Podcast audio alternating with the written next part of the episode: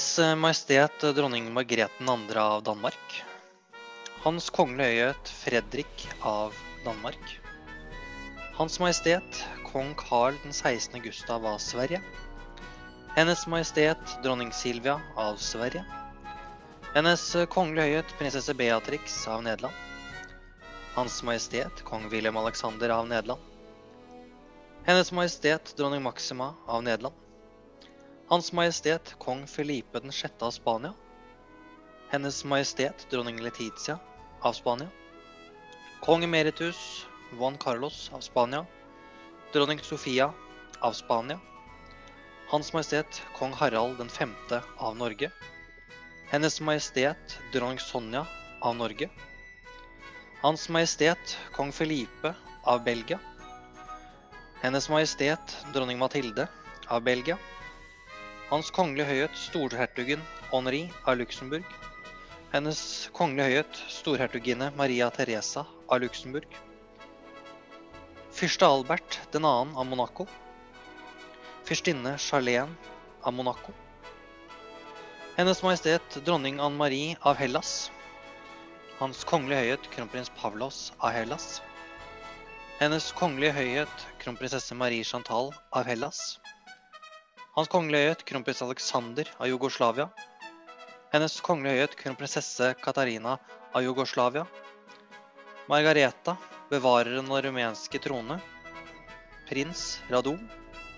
Tsar Simon 2. Det japanske keiserparet. Det malaysiske kongeparet. Det jordanske kongeparet. Det butanske kongeparet. Med listen over de kongelige tilstedeværende i begravelsen til dronning Elisabeth 2., så åpnet vi i dag ukens episode av Undersåttene. Og først og fremst så må jeg jo få ønske velkommen til både gamle og nye lyttere. Det har jo vært et eh, tilsig av lyttere til podkasten de siste 14 dagene. Eh, jeg heter Ole Jørgen Skjulsrud Hansen, og med meg har jeg Jørgen Kaupang Martinsen. Hallo, Ole Jørgen. Ja, dette har vært, eh, vært, noen, vært et par uker, Jørgen. Det har vært noen uh, mørke dager her i Undersåttene. Det er lys i horisonten igjen, men uh, vi skal ikke gi helt slipp på vår tids største begivenhet, nemlig Hennes Majestet dronning Elisabeth 2. Storbritannia og store deler av verden, som jeg liker å si, som har uh, blitt begravet den siste tiden. Ja, det var på, på mandag at begravelsen fant sted. Det var jo gode sju timer det for en begravelse. Altså, tenk deg det. Altså, her, altså, det, eh, det, jeg satt og tenkte på store deler av dagen, var for en regi. Denne begravelsen er jo ikke Det blir noe veldig opphøyd. Det blir noe mer enn en vanlig begravelse. Du sitter ikke og bare tar inn sorgfølelsene. Du tar inn pumpen og prakten og dette til fingerspissene regisserte minutt for minutt-opplegget. Det er utrolig fascinerende, Ole Jørgen. Det er jo, dette var jo britene på sitt beste, spør du meg. Og de gravla sin beste. Så det var, det var, var passende at, at, det ble så stort og så, så flott. Og det, det, var jo til og med fint vær. Det, det var til og med fint vær. Det, det skal en jo ikke kimse av når det først er, er, London. Og denne begravelsen fant jo, fant jo da sted i Westminster Abbey, eh, hvor alt av kongelige og statsoverhoder var, eh, ja, var invitert, rett og slett. Du leste jo ja, Det som kunne krype og gå, var jo egentlig til stede. Virkelig, altså. Du leste jo opp, eh, opp de fleste eh, av de kongelige, og det var, for å si det sånn, det var flere der. Men det, det er grenser for hvor mange vi kan, vi kan, ha med, og det er grenser for hvor mange av dem som lytterne våre veit hvem er. For det var jo også, ja. var jo også flere av kall det de etterkommerne av søstrene til prins Philip, sånn som denne fyrsten av Hohenlohe-Langenburg. Som, uh, vi, vi, så den jo ved et tilfelle stå utenfor og kikke på blomsten utenfor St. Georgs kapell i Windsor. Men ellers så var det jo ikke så veldig mye filmklipp av, eller videoklipp av disse, disse mer perifere kongelige.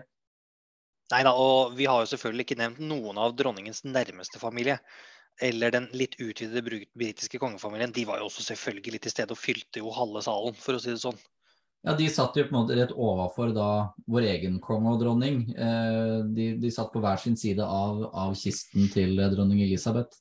Og det har jo vært noen, noen spørsmål på det, hvorfor kong Harald ja, fordi... 5., som, eh, som er, var der den nærmeste slektningen av, av disse monarkiene som, som, var til stede, og likevel så satt han på andre rad. Ja, og det er jo det er som du sier, altså her har man jo ikke akkurat satt familie først for å si det sånn. Men det gjør man jo heller ikke i slike offentlige sammenhenger som dette her var. Eh, men eh, jeg skjønner at folk stusser, for dette her er litt vanskelig. For de av oss som kan på en måte sin litt halvrojale etikette, har jo fått med oss at eh, monarkene, eller de kongelige til stede, de plasseres ut ifra sin regjeringstid. Så Derfor er det naturlig at dronning Margrethe, som nå er den lengst sittende europeiske monarken, eller monarken egentlig i verden akkurat nå. Uh, hvis jeg ikke tar helt feil. I alle fall europeisk. Hun ble jo sittende først, på plass én. På og hun har med sin ledsager, og det er kronprins Fredrik, så det var helt i orden. Tett bak dronning Margrethe så er jo hennes fetter, den svenske kongen. Han har jo regjert i 49 år, nesten like ganger som Margrethe, og er derfor nummer to. Nummer tre på listen er vår kjære Hans Majestet kong Harald. Han har jo sittet tredje lengst nå i Europa, i alle fall om ikke verden. Og da er det jo pussig, Ole Jørgen, at nykommeren og yplingen, ikke sant, kong Wilhelm Alexander, det er jo så vidt han har sittet på tronen, det gikk vel på i 2013 eller noe sånt, nå, om jeg ikke tar helt feil. Hvorfor i alle verdensland og rike har han med sitt følge rykka opp, for å si det på den måten? I tillegg så har jo også den spanske delegasjonen rykket frem foran det norske kongeparet. Ole Jørgen, dra oss igjennom dette problemet som mange har stilt spørsmål ved. Eh, dette handler jo om at de har tatt utgangspunkt i regjeringstidene til den tilstedeværende monarken, på en måte. Altså den, den eldste monarken, både kong emeritus Juan Carlos og da eh, prinsesse Beatrix av Nederland, som regjerte som dronning fra, fra 1980 til 2013. Så hadde hun fortsatt vært, vært ved, ved, tronen, så hadde hun jo da regjert i 42 år. Eh, og så har jo da Juan Carlos Han har jo sittet en, Han kunne ha sittet, sittet enda lenger. For han ble konge da i 1975. Eh, så han har jo da, hvis han hadde regjert fortsatt, regjert kortere enn da dronning Margrethe 2. av eh, Danmark og kong Carl Gustav av eh, Sverige. Ja. Så for, for, den som lurer Jeg har jo fått spørsmål og tilbakemeldinger på, på det at når, jeg, når, jeg, har fått spørsmål på Messenger og sånn om det her, at uh, hvorfor har de abdiserte monarkene rang når de ikke har det ved en gallamiddag? Uh, og da eneste svar å si at dette her er britene på sitt beste. Og her har det med streng kutyme å gjøre. Uh, og da følger man Eh, de reglene, om, eh, om, de så ikke er de samme ved en gallamiddag. Og jeg skjønner at folk spør, fordi eh, vi er jo på en måte, Vi har blitt litt vant til at det er en viss rekkefølge. Og det er Margrethe, Carl Gustav, Harald. Det er de skandinaviske monarkene som er øverst eh, og går fremst inn og sist, eller først ut, og store offentlige om sammenhenger. Og hva syns egentlig du da om at disse avgåtte, altså de som velger å trekke seg fra embetet sitt, fra livsverket, at disse rykker opp imellom? Er det, er det noe problemer rundt det, eller, hva, eller tenker du at dette er god gammel folkeskikk, eller hva? Jeg tenker at det er god gammeldags folkeskikk, ja. De har jo regjert eh, per def på en måte i, i, i en tidsperiode og trådte på tronen eh, eh, på et gitt tidspunkt. Og da blir det sånn at du, at du skal få rang deretter. Eh, men, men, jeg skjønner at folk kan stille spørsmål ved det med tanke på at det er da kong emeritus Juan Carlos som er liksom ble avskjediget fra tronen. Mens prinsesse Beatrix er jo en litt annen sak, for dette er jo med at nederlenderne abdiserer. Det er en tradisjon. Ja, de går jo av. Jeg ser den. Uh, og det, hadde, altså, det har rett og slett ingenting å si hvor nære familiebånd det var. For hvis det skulle vært slik, så hadde jo rekkefølgen vært stokket helt om her. Da hadde jo Hans Majestet, vår kjære konge, og dronning Sonja sittet først. Ja, og så, så hadde, hadde, kong Carl Gustav og dronning Margrethe fulgt like etterpå. For der er det jo samme, samme tippoldeforeldre. Så det er litt lenger ut, egentlig. Uh, de er hakket lenger ut enn Harald. Ja, for der er det, der er det samme, samme oldeforeldre. Så det er et hakk nærmere, da. En ting som jeg virkelig syns var flott fra den begravelsen her, Ole Jørgen, eh, når vi først snakker om eh, Harald, det var jo at eh, vår kjære konge sang med på begge vers av Gud signe kongen. Og én ting er at man drar i gang på første verset, for det kunne jo på en måte nesten hvem som helst gjort. Eh, men han ga gass på vers to også. Det verset hadde jeg aldri hørt før. Jeg ble imponert. Og det var ingen andre av de eh, regjerende monarkene som jeg la merke til, som ga såpass av sin egen sangstemme under begravelsen. Det syns jeg var et flott øyeblikk, hvor ja, en kjær venn, som han selv sier det, eh, synger eh, til den nye monarken. Det var, det, jeg vet ikke helt hvorfor, men jeg la veldig merke til det. Det var noe, var noe veldig fint med det. Og det er det jo flere andre som har gjort òg. For kutymemessig så skulle han jo ikke ha sunget med. For det er bare undersåttene som skal synge 'God save the king'. Eh, Det er jo da, Du så jo da kong eh, Karl 3. sang ikke.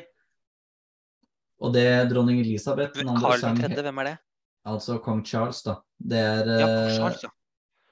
dette, er, dette er historikeren i meg. Dette er jo da, er da Disse tidligere Charlesene av Storbritannia ble jo i norsk historieskriving omtalt som Karl den første og Karl den andre. Så jeg sier da helt naturlig Karl den tredje. Og det her i podkasten så, så gjør jeg som jeg vil. Så det, det er bare å, ba, bare å vedkjenne seg at jeg sier Karl den tredje, og at jeg sier fyrste og fyrstinne av Wales. Eh, og det, Ja, og det er jo da- helt riktig. det er jo da prins William og prinsesse Catherine, som hun nå skal tiltales som. Ja, eller hun skal vel egentlig ikke det. Hun skal vel tiltales som Katrin, Catherine prinsesse. Hertuginne Catherine, prinsesse av Wales, er vel ja. da, av, av Wales. Er det sånn det blir? Men jeg må bare si at det var kanskje et av de øyeblikkene fra norsk ståsted da, som eh, altså, Det var tydelig at ikke knærne til majesteten eh, spilte på lag den dagen. Eh, men han hadde heldigvis stolen til prinsesse Beatrix, sin kjære venninne, rett foran seg, som han kunne støve seg på. Men det at han sang med full hals også, det var, det var ikke mumling i det der gebisset der. Det var, det var virkelig sang. Og det var, eh, det var flott å se. Det syns jeg, det syns jeg våre lyttere skal få med seg. At det Vil var jeg, vil jeg bare påpeke at du sa gebisset i overført betydning, for kong Harald Ja, ja, ja. ikke Ikke så vidt jeg veit, iallfall. Nei, ikke så vidt jeg veit heller. Jeg driver og leser Nei. biografien hans nå, så eh, det står ikke noe om det der. Så jeg tror den eh, Bare for liksom full disclosure. ja, det er Men, helt så blir vi sitert på det plutselig. Ja, og det, det er jo det, er det som er skummelt uh, nå, Jørgen, med tanke på at jeg kaller deg TV 2s nye kongehusekspert, er jo det at vi kan bli sitert på sånt hvis noen lytter lytter gjennom Det er bare koselig at internasjonal media Altså, do you Ja. hear me, BBC? Ikke sant? Det her er Ja, ja. bare å ta tak, altså. Til dere i norsk media som uh, følger med, siterer Jørgen på alt dette tullet. Og til norsk media, siter Jørgen, ikke Ole Jørgen. Det er mye morsommere. Men, Men, eh, Ole det var jo det var en hel del gjester der. Ja, unnskyld. Vær så god. jeg skulle bare si at du har jo gjort en formidabel da, innsats utover podkastens rekker ved å formidle både dødsbudsak og begravelse også på norsk riksfjernsyn, altså. Så en kort applaus til deg der. Jo, tusen takk. Takk. Det er veldig, veldig hyggelig, Jørgen. Så- Men hva var det du Hva på en måte ble ditt, ditt høydepunkt i begravelsen? Oi, det var et godt, uh, godt spørsmål. Det, på en måte, det, det, jeg, jeg, jeg fikk jo faktisk akkurat det samme spørsmålet på, på, på, på nyhetene, 21-nyhetene på, på mandag. Uh, og det, det er jo litt sånn Det er jo hele stemningen, på en måte. Vi, vi kom jo til høydepunktet, for det var det aller siste som skjedde. Eh, og det, det kan jo på en måte bare være et lite frampek det for alle våre lyttere, og, en, og et insentiv til å fortsette å lytte på denne episoden her. At vi tar høydepunktet helt til slutt, hva vi antar. Eller hva vi mener var det. Ja, et lite frempek der. Men jeg syns jo det var sånn, sånn for på en måte interessen din om disse monarkene, så var det jo interessant å se på en måte Ja, keiser eh, Naruhito, eller som han rent eh, japansk samtale som keiser Reiva, eh, var til stede sammen med sin keiserinne Masako. Det er første utenlandsturen de har gjort siden eh, de ble keiser og keiserinne av eh, Japan. Ja, for de ble vel det rett før pandemien, egentlig? Det var vi i 2018, hvis jeg husker Ja. riktig. Og så var det jo fyrsten og, fyrsten og fyrstinnen av Monaco som var på sin første utenlandsreise siden de var i Norge og åpnet denne nye utstillingen på Fram-museet. Så det er, eh, det, det er litt, litt sånne koblinger man, eh, man kan dra. Og også det at det blir på en måte den samlingen av kongelige, da. Det er jo noe som ikke skjer så veldig ofte. Jeg tror den siste gangen det var en, en, en samling av, av kongelige som kan eller på en måte Den blekner i forhold, da, men som på en måte er nest størst, var vel 80-årsjubileet til kong Harald og dronning Sonja i 2017. Ja, det var jo fryktelig mange av de samme gjestene vi skal si på den måten, var jo da faktisk på det norske slottet. Og det er eh, ikke mange andre enn Harald og Sonja og Margrethe som kan stelle til fest med så bredt spekter av de kongelige, egentlig. Sånn jeg ser det nå. Det er eh, på mange måter Harald og Sonja som holder litt Europa samla nå. Eh, Det har de gjort siden eh, de feira sølvbryllupet sitt i Altså med Silver Cruise, hvor de inviterte hele gjengen opp. Ja, i 1993, blir det ikke det? Må ja, tre eller to. Da de gifta seg i 1968. Og Da blir det tre. Ja. Sølvjubileet 25, ikke 24. Kunne vært moro det òg, da. Herregud. Ja da, Eh, et krus er et krus.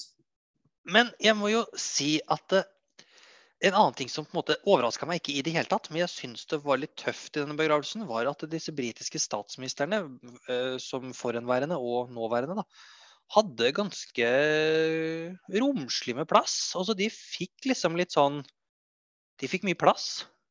Ja, det var, var, var jo stadig tidligere statsministrene og statsministeren som, som, som ble via mest eh, TV-tid òg, rett og slett, av BBC. Eller nå var det ikke BBC som, som sto ansvarlig for TV-bildene, tror jeg, men, men dette TV-greiene innhentet av BBC og alt det der, de som hadde ansvar for, for TV-bildene, da, fokuserte mye på, på, på disse. Det var jo sånn det, det var eh, Tony Blair eh, Er det George Brown han heter? Eller Gordon. eh, Gordon Brown. eh, John Mayer. Theresa May. Theresa May. Boris Johnson og Liz Truss. Det var seks stykker i alt. Ja. Nå glemte jeg å si David Cameron, vel. Uh, Ja, så det var syv. Da, Totalt med. Liz Truss. ja.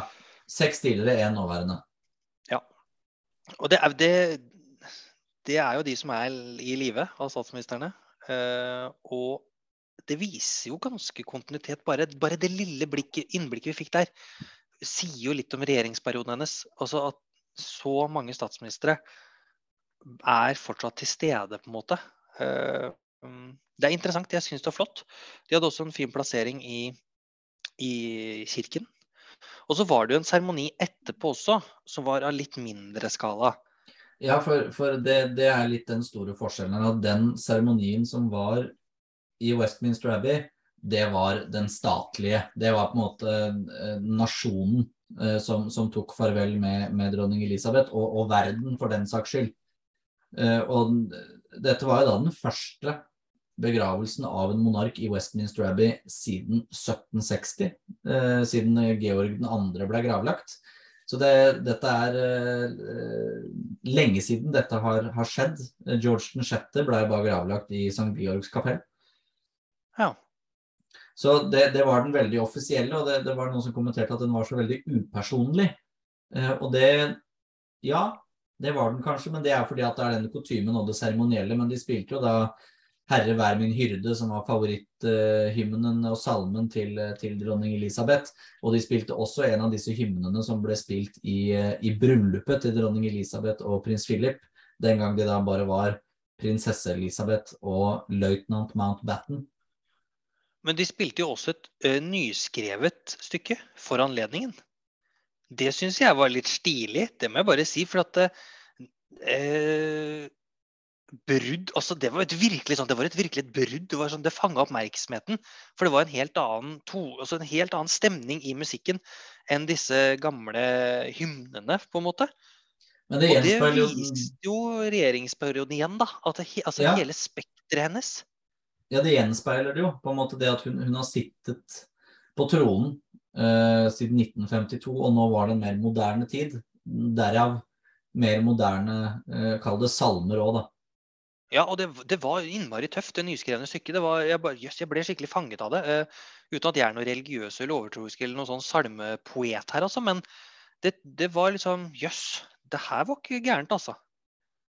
Men denne litt mindre sånn etter at de, de, gikk, jo, de gikk og gikk og gikk og gikk. og gikk, altså Ja, det var jo var en lang, lang prosesjon fra, fra Westminster Abbey og til Wellington Arch, og deretter så ble da kisten båret over på en bårebil som kjørte på lukkede veier helt til Windsor, da, og det tok vi da to timer, eh, sånn mer eller mindre. Eh, Og jeg tror, ja, etter begravelsen på en måte i, i Westminster Abbey, så var, var de 15 minutter på etterskudd, og det holdt de seg på hele dagen ut. Det er ikke gærent, altså. Nei, det var jo tre er prosesjoner. De, disse kongebarna, eller dronningbarna, de gikk og gikk og gikk og gikk. Eh, det, det, det er jo en lang dag når det, alt Ja. er så mye seremonielt og pomp og prakt. og på, også Det er så stort. Det er lang dag for kongebarna, men den som jeg så på en måte ble mer og mer lutrygga, stakkar, det var jo hertugen av Gloucester. Han var Ja. tydelig sliten eh, mot eh, slutten av dagen. Nå snakker vi da om et av, et av eh, søskenbarna til dronning Elisabeth 2., prins Richard av Gloster. Gloucester. Som er Fetteren hennes, av, rett og slett. Ja, sønn av dronning Elisabeths onkel prins Henrik av Gloucester. Så Han traska jo også i prosesjonen, gjorde han ikke det? ja, jo, han fulgte Det var akkurat det. Han var, han var jo søskenbarnas representant eh, i, i, denne, i, denne, i denne prosesjonen. Eh, for han Jeg mener han er 78 nå. Eh, for hertugen av Kent, som egentlig er på en måte den høyst rangerte, ettersom han ble hertug først Han har jo vært hertug i 80 år, eh, og nå er han jo da 85. Eh, så han han kunne Han hadde slett ikke maktet Han hadde ikke maktet det. Altså Det var jo så vidt han klarte å stabbe og gå, stakkars nå. Eh, Vi så, men det jo, var vi så jo, så jo på 70-årsjubileet til dronning Elisabeth. Da sto jo det ute på på balkongen. balkongen. Men de, han hadde nok ikke klart den turen nå. Men han var like med og til stede i alle seremoniene som var rundt her. Så det er standhaftige folk som møter Den jeg, den jeg ble mest imponert over, faktisk, det var uh, prinsesse Anne, The Princess Royal. Ja, For hun var like standhaftig gjennom hele dagen. Det er sånn, dette, det der er tælet etter prins Philip, som, eh, Ja. som ligger, i, ligger i årene hennes. Og prinsesse Anne, altså The Princess Royal, hun har jo virkelig fått kjørt seg den siste uka. Det er hun som har fulgt moren sin fra Balmoral og helt hjem til London. Ja, ja, på en måte, det er, det, er, det, er jo, det er jo kongen og eh, prinsesse Anne som har vært mest rundt, på en måte. Og det, det er også en ting som på en måte jeg syns var veldig fint. Og jeg, jeg vil jo tørre å påstå planlagt av dronning Elisabeth at hun skulle trekke sitt siste åndedrett i Skottland. Sånn at det kunne være en eh, en seremoni i Skottland hvor skottene fikk ta avskjed med sin skotske dronning. Og så da i, i England hvor på en måte britenes dronning blei ble stedt til hvile. Og det som var litt uh, tøft, kall det når de kom til, kom til, eh, til Windsor, var jo det at det også var innslag av skotsk der òg. Både i uniformen, men også det at de spilte skotsk musikk på sekkepiper. Ja. Det var, det, det, du, det, var, det var litt av en dag. Det, det er ikke så mye annet å si enn det. Altså, at det var et, det var et ordentlig show. En ordentlig showbegravelse i hvordan man skal gjøre det fra A til Å. Var, dette var regelboka. Ja, altså idet de, det de kom til Windsor, så blei det jo med en gang mer personlig. Eh, For der så du da denne hesten eh, til dronning Elisabeth, eller ponnien, da, Emma, sto sammen med, eh, med sjefen for stallen hennes. Eh, Og oppå eh, hesteryggen så lå jo da sjalet til dronning Elisabeth, som hun brukte når hun var ute og red. Ja. Og så var en, et lite sånn, litt sånn symbolsk greie som jeg syns var veldig fint, da, i tillegg til dette. Vi kommer også til selvfølgelig disse korgiene og dorgiene hennes eh, Muick og Sandy, som også var der. Eh, men idet prosesjonen begynte å gå på en måte opp til kvadraturen i Windsor slott, så spilte sekkepipespillerne en av Skottlands kall det uoffisielle nasjonalsanger, som heter Over the Sea to Sky. Og den her eh, Dette sa jeg også på, på sendinga, så for dere som har hørt den, så blir det litt repetisjon, men, men poenget er så veldig fint. For i denne sangen handler jo da om jakobineropprøret i 1746, hvor Bonnie-prins Charlie, altså en Stuart-prins, prøvde å ta England tilbake fra da hanoverianerne. Dette blir litt historietime, men det får dere bare tåle. Eh, og når, da han tapte eh, slaget ved Kalodden i 1746, så måtte han rømme til The Isle of Skye, altså øya som heter Skye. Eh, og i det ene, ene verset av denne sangen så synger de da carrying the lad that was born to be king. Og på vei til Windsor så bar de da kvinnen som var født til å bli dronning. Det er, det er en symbolikk der som er veldig slående, hvis man klarer å finne den. Ja, det er det. Og så kan man diskutere om hun egentlig var født til å bli dronning. Jo, men hvis du, hvis du, skal ta utgangspunkt i det at, at det er uh, som dronning Elisabeth var opplært til Gud hadde bestemt at hun skulle bli dronning. Da var hun født til å bli dronning om hun så ikke var direkte i arverekka med en gang. Ja. Men altså, om Gud har bestemt at hun skulle bli dronning, det tror jeg kanskje var litt drøyt å si. Det er vel mer det at hun har funnet, uh, funnet en uh, høyere makt som hun kan støtte seg på. Jo da, men hun var opplært til det da hun var liten at, at hun, at hun uh, det det var Gud som hadde bestemt. på en måte. Hun var jo tross alt dronning Elisabeth 2. av Guds nåde. Dronning til Storbritannia og samveldet og bla, bla, bla. bla. Det, ja. hvis, hvis en skal dra på all symbolikken i det monarkiske, da, det er det jeg på en måte prøver å si nå. Ikke at måte, alt dette er bestemt på den ene eller andre måten, men, men det var en fin symbolikk. Absolutt, og det, det skinte jo gjennom hele, altså all, hele dagen det var jo symboler fra altså, Igjen, da. De har jo brukt regelboka. altså De har jo skrevet regelboka og fullførte den til 100 Og den som har hatt regi på den dagen her, gratulerer! Du skal få seks pluss altså i karakteren. Ti av ti. Her er det terningkast seks i min mote, eller hva, altså i VG. Altså hjelpe meg hva. Fordi tenk å klare å holde en sånn dag såpass i trådene. Det er ikke alle som hadde klart det. Du får sende et brev til den 18. hertugen av Norfolk, for det er han som er seremonimester i det britiske kongehuset. Ja, han er seremonimester, ja, men hvor mye han egentlig har gjort, det skal ikke jeg spekulere i. Jeg vet ikke om han har gjort alt her alene. Det er, Nei, det er det ikke, men det er, som, er, han som, står som, står som leder for, eh, for, det, da. Så ja, og han, da eh, skal han ha en stor applaus på skulderen. Ja, det, for, for, å si sånn, Jeg tror det var søskenbarnet til bestefaren hans som uh, planla begravelsen til George 6. Så det, er, uh, det skal langt tilbake igjen til forrige mann. Og da, den er ikke noe filma. Nei, det er jo ikke det.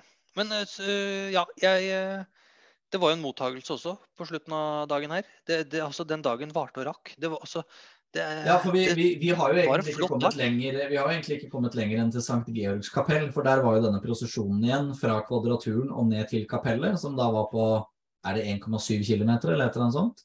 Nei, han er ikke så lang engang. Ikke en kilometer engang. Jeg husker ikke. Jeg Men uh, det, er ikke, det er ikke så lang i veien. For det er jo den samme prosesjonen som vi så de gikk under begravelsen til prins Philip. Den korte på en måte fra alt dette seremonielle inne i Kvadraturen og så ned til kapellet. Og der, eh, der var det jo kalt en mer personlig uh, overhendelse. Det, det, det, er det de på en måte, Det var uh, the funeral på en måte i Westminster Abbey. Og så var det en, en service of committal, altså en overgivelsesseremoni i St. Georgs kapelle, hvor de på en måte overga dronning Elisabeth til evigheten. Ja, riktig. Og, og der var jo på en måte der var det plass til bare 800 gjester kontra de 2200 som hadde vært i, vært i katedralen. Ja. Og um, der også var det jo flere av de kongelige, inkludert vår egen uh, kong Harald. Og det å, her, det å vise jo til det nære, da. De, de, var jo i det fremste, på en måte rett overfor den britiske kongefamilien.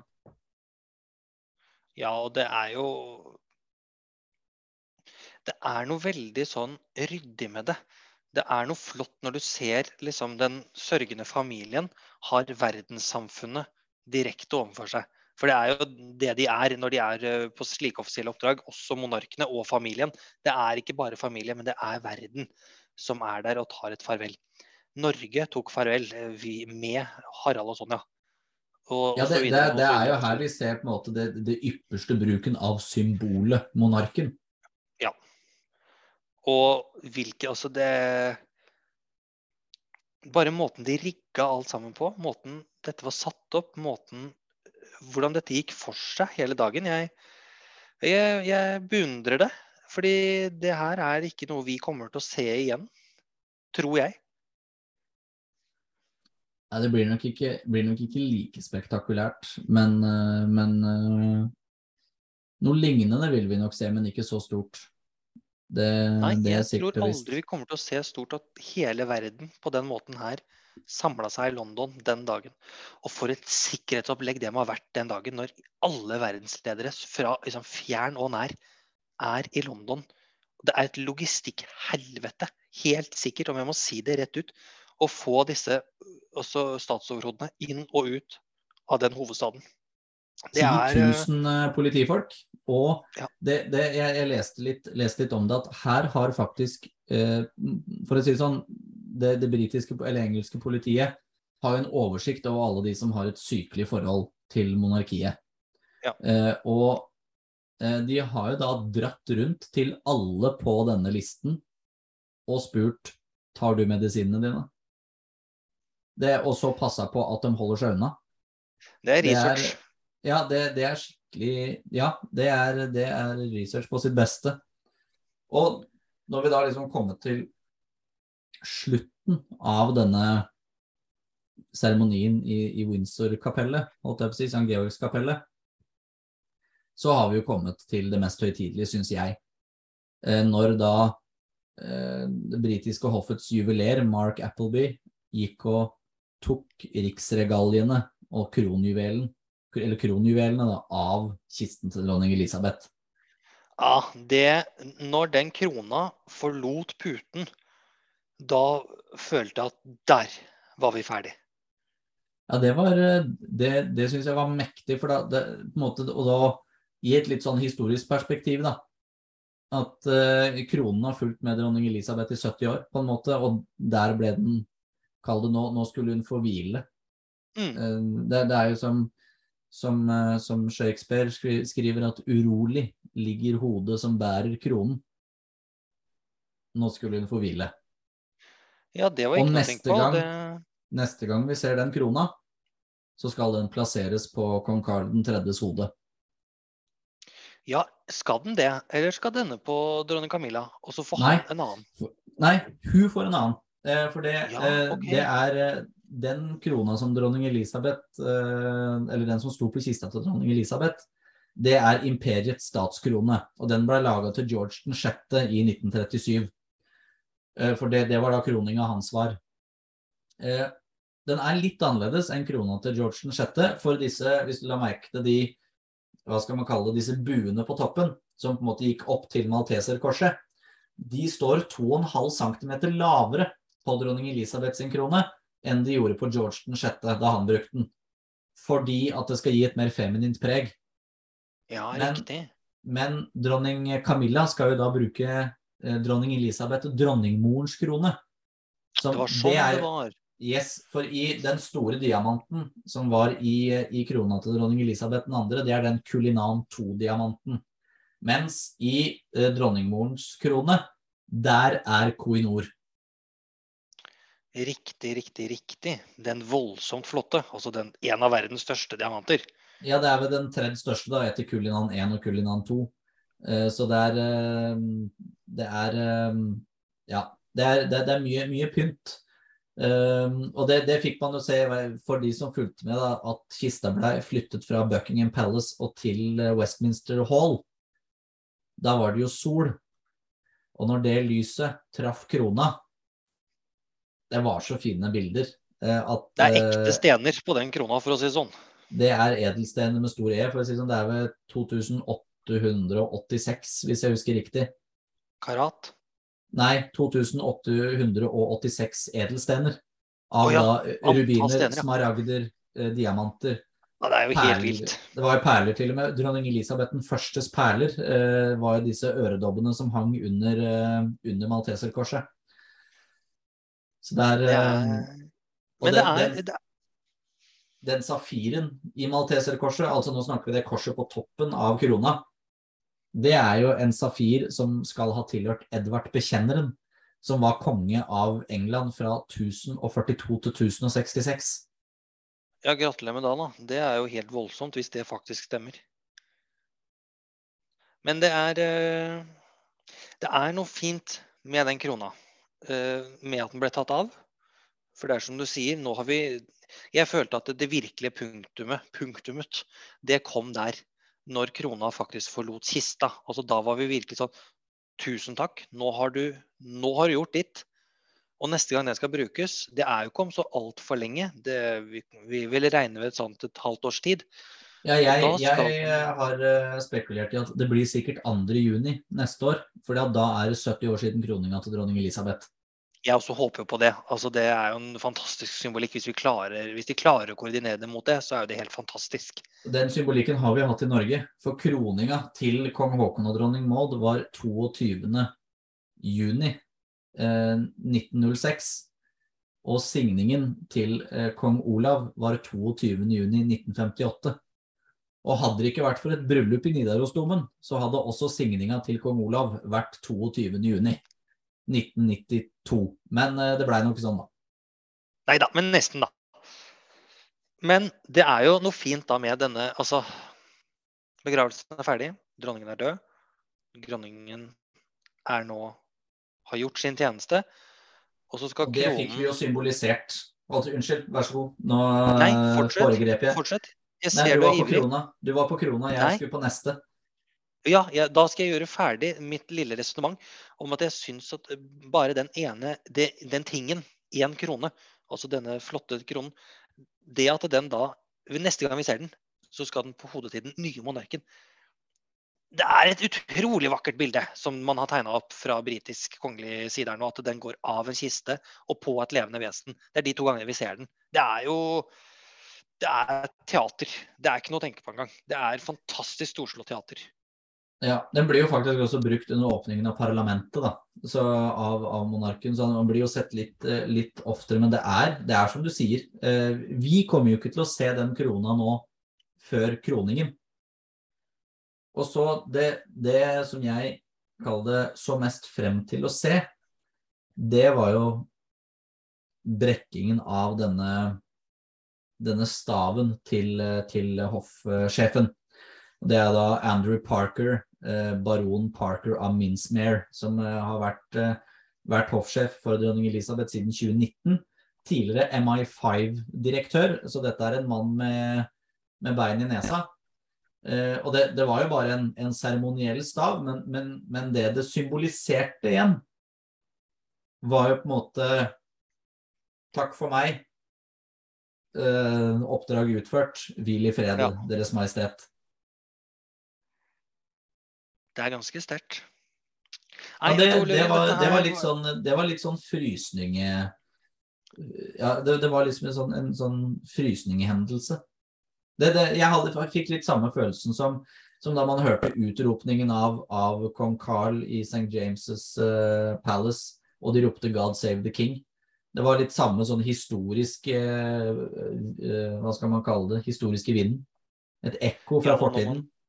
Og når man òg i dronningens begravelse for første gang på virkelig offisielt anliggende synger den nye nasjonalsangen, så markerer det jo veldig tydelig hele konseptet med et monarki.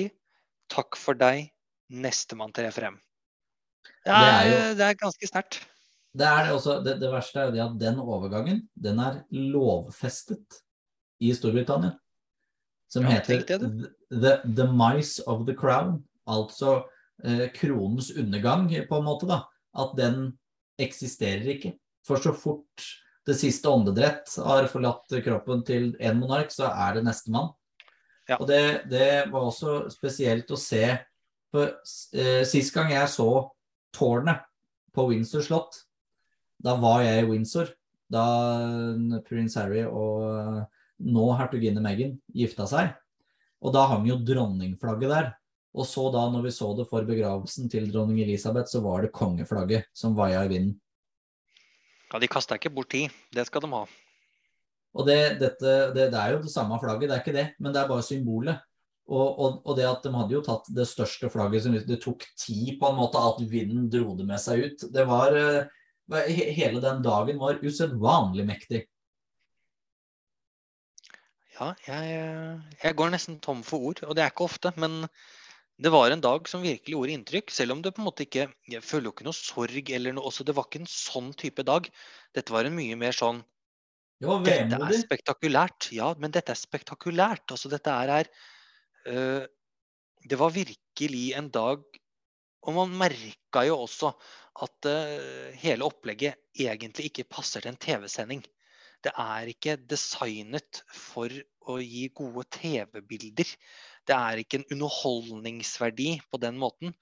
Dette her er rent og skjært monarkiet som står stødig og alltid har gjort det. Så det var en sånn fascinasjon av hvordan de har løst alt. For ja, det ble flotte TV-bilder, men man merker likevel at dette her er ikke et arrangement som i all hovedsak er laget for TV. Dette er et arrangement som er laget for folket, for monarken og for den nye kongen. Det er som, det er som kroningen i 1953. Folket og TV-en er ønsket velkommen, men vi gjør ingen endringer for dem. Ja, og det merka man, og det, var, det gjorde meg ingenting. Det var en fascinerende TV-sending, eller TV-bilde vi fikk fra London. Det, det, har det absolutt vært. Og vi, eh, sånn til, til, våre lyttere, både gamle og nye, velkommen alle som én, eh, er det at vi skal jo litt senere komme tilbake igjen til hendelser som har skjedd mens kall det dette dødsfallet til dronning Elisabeth har gått for seg. For det har jo vært et 50-årsjubileum i Danmark som, eh, som, på en måte bare seig forbi uten at vi egentlig la spesielt merke til det. Eh, så vi skal nok få prate om, om det òg, men, men eh, vi, vi, måtte avslutte disse to ukene på riktig måte, og det blir med gravferden vi også er eh, tradisjonsmennesker oppi det hele her, begge to. Vi liker en verdig avslutning, og øh, vi mener at den tiden som både dere og vi nå tar oss til det her, er såpass viktig. Ettersom det er en særdeles historisk hendelse vi nå har vært vitne til. Og med de ordene, Ole Jørgen, så tror jeg kanskje du skal få lov til å si Vi lyttes.